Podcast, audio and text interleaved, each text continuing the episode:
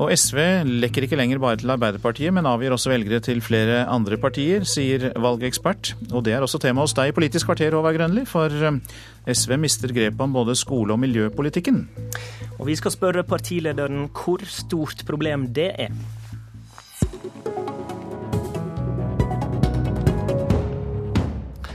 Men aller først skal SV få diskutere konkurranseutsetting med Høyre.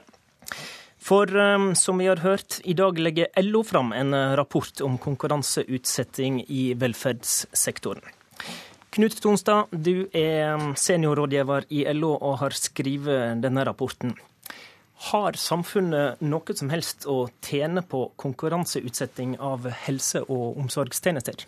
Nei, det har de ikke. Denne rapporten viser at det, det ikke er tilfellet. Og det er mange internasjonale rapporter som viser det samme. At eh, de ansatte taper, de private driverne vinner, og samfunnet som helhet har ikke noe å vinne på det. Hva er grunnene til det etter eh, LOs syn? Ja, Det er flere grunner. For det første så går jo skatteinntekter fra de ansatte ned, fordi at eh, skatt og pensjon er jo dårligere. Så skjer det en stor grad av skattetilpasning i, i denne sektoren. Eh, den kommersielle driveren skal jo ha et overskudd, og i tillegg så har den eh, kommersielle mye høyere finansieringskostnader enn det offentlige. Det er jo store kostnader også knyttet til selve konkurranseutsettingen. Eh, gjennom anbudsprosessen, gjennom omstillinger, virksomhetsoverdragelser osv. Og, så og det er også kostnader knyttet til oppfølging. Det er også dette med fløteskumming, at de private ofte stikker av gårde med de enkleste mens det offentlige da blir sittende igjen med dyre klienter og pasienter. Og til slutt så er det dette med at eh, det offentlige er mye flinkere enn private sannsynligvis til å ansette folk med eh, helseproblemer. Og vi vet at de private på dette området stort sett er kommersielle internasjonale selskaper. Hva mener LO vil være den store faren dersom en åpner for mer av dette her eh, i Norge, da? Ja, Samfunnet taper jo, og de ansatte taper. Og vi vil jo få se mye skattetilpasning. I, Sverige så er jo helsemarkedet finansiert med ca. 50 milliarder av svenske myndigheter, og over 90% av dette er kommersielt. Og nå er det jo slik at det er de store internasjonale investeringsselskapene som da har tatt mye av markedet, og det betyr jo at det betales så å si ikke skatt. Er dette et regnestykke der en kan um, si at uh, her har ikke samfunnet noe å tjene på dette, og så sette to streker under svaret? Nei, her vil jo variere mellom ulike områder. og Vi ser jo også at, eh, at eh, av og til så vinner jo til og med også kommuner i konkurranse med de, med de private. Ehm, men eh, det har vært viktig å gjennomføre en slik analyse, fordi at forrige gang det ble gjort i Norge, så var det i 2000, og så var det mye oppmerksomhet under Bondevik II-regjeringen, og så har på en måte interessen blitt litt borte. men nå er det jo slik at eh, Opposisjonen har jo stilt dette på sakskartet. De ønsker jo en omfattende konkurranseutsetting på mange områder, hvis de da kommer til makten. Og nå nærmer det seg valgkamp. Eh, LO roper kanskje i skogen og får det svaret en kan forvente? Eh, jeg ser på dette som en faglig rapport, og det er derfor den også står i mitt navn og ikke, ikke utgis anonymt. Takk. Han eh, gir ei utfordring eh, til deg, Bent Høie, helsepolitisk talsmann i Høyre. Du er med oss fra studio i Stavanger. God morgen. God morgen, ja. Dersom det ikke er noen samfunnsgevinst i konkurranseutsetting, så er det vel ikke noe poeng å åpne opp mer i den retninga? Konkurranseutsetting er jo ikke et mål i seg selv. Det er et uh, virkemiddel for uh, i de tilfeller en mener dette kan gi bedre kvalitet. Og mer oppmerksomhet rundt at en bruker ressursene, ressursene, riktig. Jeg har sett på rapporten, eh, og jeg vil jo si at det er ikke den er ikke preget av å være en selvstendig rapport, men mer preget av å være eh, klipp og lim av eh, utvalgte ønsker. Eh, konklusjoner i andre rapporter, eh, spredd i med noen eh, antydninger og syn, synspunkter. Men la nå det, det ligge. hovedpoenget i de kommunene som velger å ha konkurransesetning, vil være å være sikker på at en bruker ressursene riktig og får god kvalitet ut ifra de tjenestene som en konkurranse sånn som en har sett i Os kommune, i Oslo kommune og andre kommuner. Og du er overtydd om at samfunnet faktisk har noe å tjene på konkurranseutsetting av helse og omsorg? Ja, i, eh, innenfor enkelte områder, eh, men det må vurderes konkret i den enkelte kommune. Sånn som Fagforbundet sin hovedtillitsvalgte sa det i Os etter at kommunen sjøl der hadde vunnet konkurranseutsetting av et sykehjem i konkurranse med, med andre private aktører og kommunen vant sjøl, så sa hovedtillitsvalgt i Os at sitat, kommunen har måttet skjerpe seg, det er viktig. Kommunen må ikke sove nå, nå som de har vunnet. De må være med på Eh, være på hugget og, og, og, eh, og, eh, ikke være fornøyde med seg sjøl. Det syns jeg er et god, godt, egentlig en god konklusjon på hvorfor det i noen tilfeller kan være lurt å ha en kombinasjon av noen privatdrevne sykehjem, kommunalt drevne og ideelt drevne sykehjem i en kommune. Og hvis fagforeningsrepresentanter ser det poenget, Audun Lysbakken, SV-leder, så kan det vel være at du ser det poenget òg? Jeg er veldig for å ha private i velferden når de er ideelle. Men jeg er mot å ha kommersielle aktører, for det betyr at uh, skattebetalernes penger som er ment brukt til uh, eldreomsorg og helse eller andre viktige velferdstjenester, istedenfor ender opp som profitt i lommene til uh, eierne. Og Det er feil bruk av pengene, og det vil over tid føre til dårligere kvalitet. Og Det som er interessant med den rapporten som har kommet nå, er jo at den går gjennom all forskningen som foreligger på området, ikke minst fra Sverige og Danmark, som har kommet mye lenger enn oss når det gjelder konkurranseutsetting. Og Det finnes ingen bevis for at konkurranseutsetting øker kvaliteten. Tvert imot så finnes det veldig mange gode eksempler på at det er feil medisin fordi det går utover de ansatte. Og Vår viktigste utfordring for å øke kvaliteten i helse og omsorg fremover, det er å rekruttere flere flinke mennesker til å jobbe i sektoren. Da dumper du ikke pensjonen din, sånn som de kommersielle. Bent Høie, det blir ikke bedre kvalitet for brukerne heller? Nei, Audun Lysbekken trenger ikke reise til internasjonale studier for å få motbevist den påstanden der. Eh, I Oslo så ser han at eh, kvaliteten har økt eh, gjennomgående både på de kommunale, de private kommersielle og de ideelle eh, jevnlig i forbindelse med at Oslo kommune har også jevnlig konkurranseutsetting. Eh, sånn at, eh, og der en, der en, ser at dette ikke bare fører til bedre kvalitet på de ideelle og de private kommersielle, men òg bedre kvalitet på de kommunale sykehjemmene. Når en ser på hvordan brukerne opplever denne kvaliteten, og når en ser på de mer nøytrale kvalitetsindikatorene, så ser vi at de ideelle er best, de kommersielle er nest best, og de eh, kommunale er tredje best. Og Dere peker begge to på de ideelle, men eh, denne rapporten fra LO Lysbakken viser at de ideelle vinner ikke anbud. og Det er jo de regjering som, eh, som lager rammeverket her. Hvorfor har ikke dere en politikk som gir de bedre vilkår? De som velger å sette eldreomsorgen ut på anbud, det er lokale Høyre-flertall i Oslo, Bergen og andre byer der høyresiden styrer. Vi er motbruk av anbud i eldreomsorgen, vi. Og grunnen til det er nettopp nettopp at eh, det er vanskelig for de ideelle å konkurrere, fordi de har en annen arbeidsgiverpolitikk. De ideelle har eh, de samme pensjonsbetingelsene som kommunene har, mens kommersielle eh, stort sett ligger lavere på pensjon og andre betingelser til de ansatte. Det er der den store gevinsten er å hente ved konkurranseutsetting. Ved å skvise de ansatte. Og det er feil medisin, for det vi trenger i en eh, framtid med flere eldre, med større krav til velferdstjenestene, det er å satse på de som skal gjøre disse jobbene.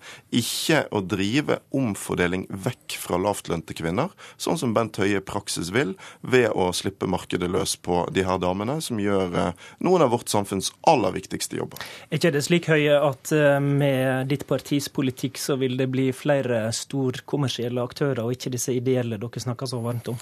Jo, Vi vil legge til rette for eh, ideelle, og derfor har jo òg vi vært pådrivere f.eks. For, for å ha regler som gjør at en kan ha eh, konkurranser som bare omhandler ideelle, og ikke blander ideelle og, og, kommersielle. Det er heller ikke riktig det som Audun Lysbakken sier, å prøve å skyve ansvar over på kommunene. Den rød-grønne regjeringen har drevet utstrakt konkurranseutsetting på dette området, som ikke minst har ført til at ideelle rusinstitusjoner har tapt, eh, har tapt eh, anbud. Så her er det ikke sammenheng mellom retorikken og den politikken SV fører i, eh, i regjering. Jo, det Men det som, det, som, det som den tar opp i forhold til ansattes lønns- og pensjonsvilkår, så er det jo helt klart at alle forstår at når det gjelder denne kompetansen som det her er snakk om, sykepleiere, hjelpepleiere, folk som skal jobbe i pleie- og omsorgssektoren, så det er ei arbeidsgruppe eh, som det i samfunnet vil bli stor mangel på i årene framover. Mm. Ingen aktører, verken kommersielle, private eller ideelle, vil kunne overleve i framtiden hvis en ikke tilbør tilbyr denne attraktive arbeidsstokken mm. gode arbeidsvilkår. Lysbakken til slutt på det. Vi har jo bl.a. i Barne-, likestillings- og inkluderingsdepartementet som SV styrer, avskaffet bruken av anbud i det statlige barnevernet. Og vi går konsekvent imot anbudsutsetting av eldreomsorgen når Høyre foreslår det rundt i kommunene. Så det Bent Høie sier er feil. Det vi nå står overfor, er et stort og viktig privatiseringsvalg i Norge. Hvis høyresiden vinner, så blir det omfattende privatisering innenfor skole, innenfor helse, innenfor jernbanen. Vinner vi, så skal vi styrke fellesskapene istedenfor. Takk til Knut Tonstad Gjello og Bent Høie i Høyre.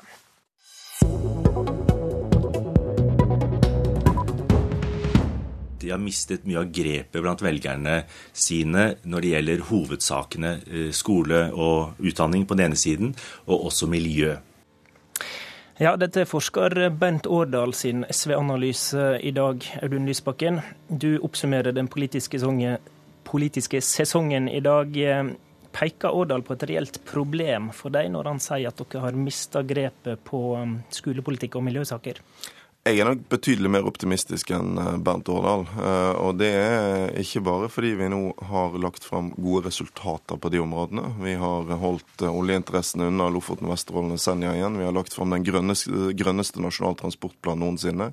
Vi har fått i land et klimaforlik, og klimagassutslippene går ned. Samtidig som norske skoleelever sine resultater går opp. Men også fordi at de velgeranalysene som er gjort denne våren, har vist at SV sin tillit blant miljøvelgerne har økt etter at Lofoten-saken kom på dagsordenen.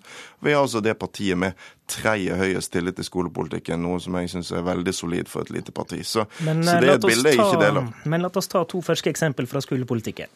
Utdanningsforbundet mener dere burde bruke penger på noe annet enn leksehjelpreformen. Og de mener mangelen på en skikkelig endring på, av sidemålsundervisninga er pinglete. Hvorfor skal eh, lærere stemme på et parti som er uenig med dem på sentrale punkt i skolepolitikken? da? Fordi vi er enige om det aller viktigste. Eh, og det er at det trengs flere lærere, og at vi må legge bedre til rette for lærerne i årene som kommer. SV har også stått i spissen for at det nå øremerkes midler til 600 nye lærere eh, i år.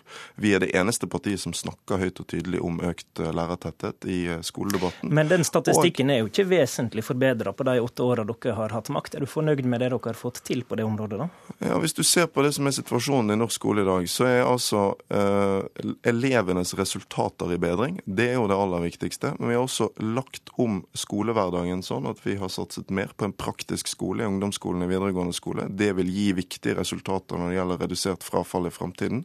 Og vi har satset på lærerne. Både gjennom å sørge for at det blir flere av de, men også gjennom å få slutt på den krigen som var mellom lærerne og myndighetene da Kristin Clemet var kunnskapsminister. I tillegg så har vi stoppet privatiseringspolitikken. Og Det viktigste for norsk skole fremover er å styrke fellesskolen istedenfor å følge høyresiden sin politikk med privatisering, med mer nivådeling, med karakterer i barneskolen. Det er et viktig veivalg norsk skole står foran, og jeg tror at eh, vi har flertallet av lærerne med oss eh, i den retningen vi ønsker å gå gå, selv om vi selvfølgelig ikke kan være enig i absolutt alle spørsmål. På eh, miljøområdet så gjør Miljøpartiet De Grønne tidvis gode målinger nå, og har et stortingsmandat fra Oslo i ei fersk måling. Den målinga viste at én av tre miljøpartisympatisører stemte SV i 2009. Det er vel et problem for dere?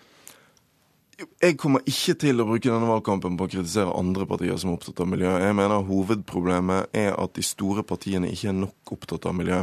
Derfor så må eh, miljøkonflikten i denne valgkampen handle om at de partiene som er opptatt av det, utfordrer de store partiene. Hva, hva, hva kan du gjøre for å få tilbake de miljøvelgerne?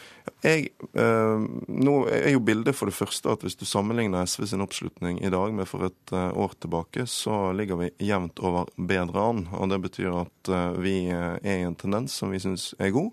Eh, så tror vi at det er fordi vi er et parti for miljø og rettferdighet, at vi har et potensial til å gjøre det bra. Vi er både et grønt og et rødt parti. Vi er et parti for de som setter klima og miljø først. Og så er vi et parti for de som samtidig er opptatt av venstresiden sin økonomiske politikk, av fordeling, av et rettferdig og godt arbeidsliv og kamp mot privatisering. For de som setter den kombinasjonen høyest, så er SV det riktige partiet. Det er partiet som er både grønt og rødt. Så rekker vi ei siste kjernesak til slutt. Hva tror du folk legger mest merke til? Ditt forslag om amnesti for asylbarn som har vært her i tre år, eller at Neda ble eh, sendt ut av politiet midt på natta? Det vil alltid være sånn at uh, det er de barna som blir sendt ut, som uh, utløser overskriftene. De barna som har fått bli i Norge fordi SV har sittet i regjering, de er det ingen overskrifter om, heldigvis. Det vi har fått til i regjering, har betydd at svært mange barn har fått bli. Men jeg er ikke fornøyd så lenge vi får utsendelser av den typen vi hadde med Nede. Og derfor så har vi sagt at... Og du vil fortsatt sitte i en regjering som forvalter den politikken? Vi vil sitte i en regjering der vi kan få til resultater for barna. Og svært mange barn har fått bli pga. endringer SV har fått til. Da vil det selvfølgelig være feil å svikte de barna ved ikke å ta det ansvaret. Men vi jobber utålmodig for videre endringer, sånn at vi aldri skal få saker som den med Neda igjen. Det betyr at vi må ha et regelverk som i enda større grad enn i dag slå fast at det er barnets beste som til slutt skal veie tyngst. Det kommer til å bli en av hovedsakene for SV hvis vi kommer til Soria Moria 3. Og jeg tror, selv om det ofte har vært uenigheter på rød-grønn side om dette, at vår mulighet til å vinne fram med Arbeiderpartiet er bedre enn Venstre og KrF sin mulighet til å vinne fram med Fremskrittspartiet. Det sa SVs partileder Audun Lysbakken, som åpenbart er i valgkampmodus. Valgkampen er så smått i gang. I går eh, lanserte vi i NRK vår valgomat. Vil du finne ditt parti, så går du inn på nrk.no valgomat.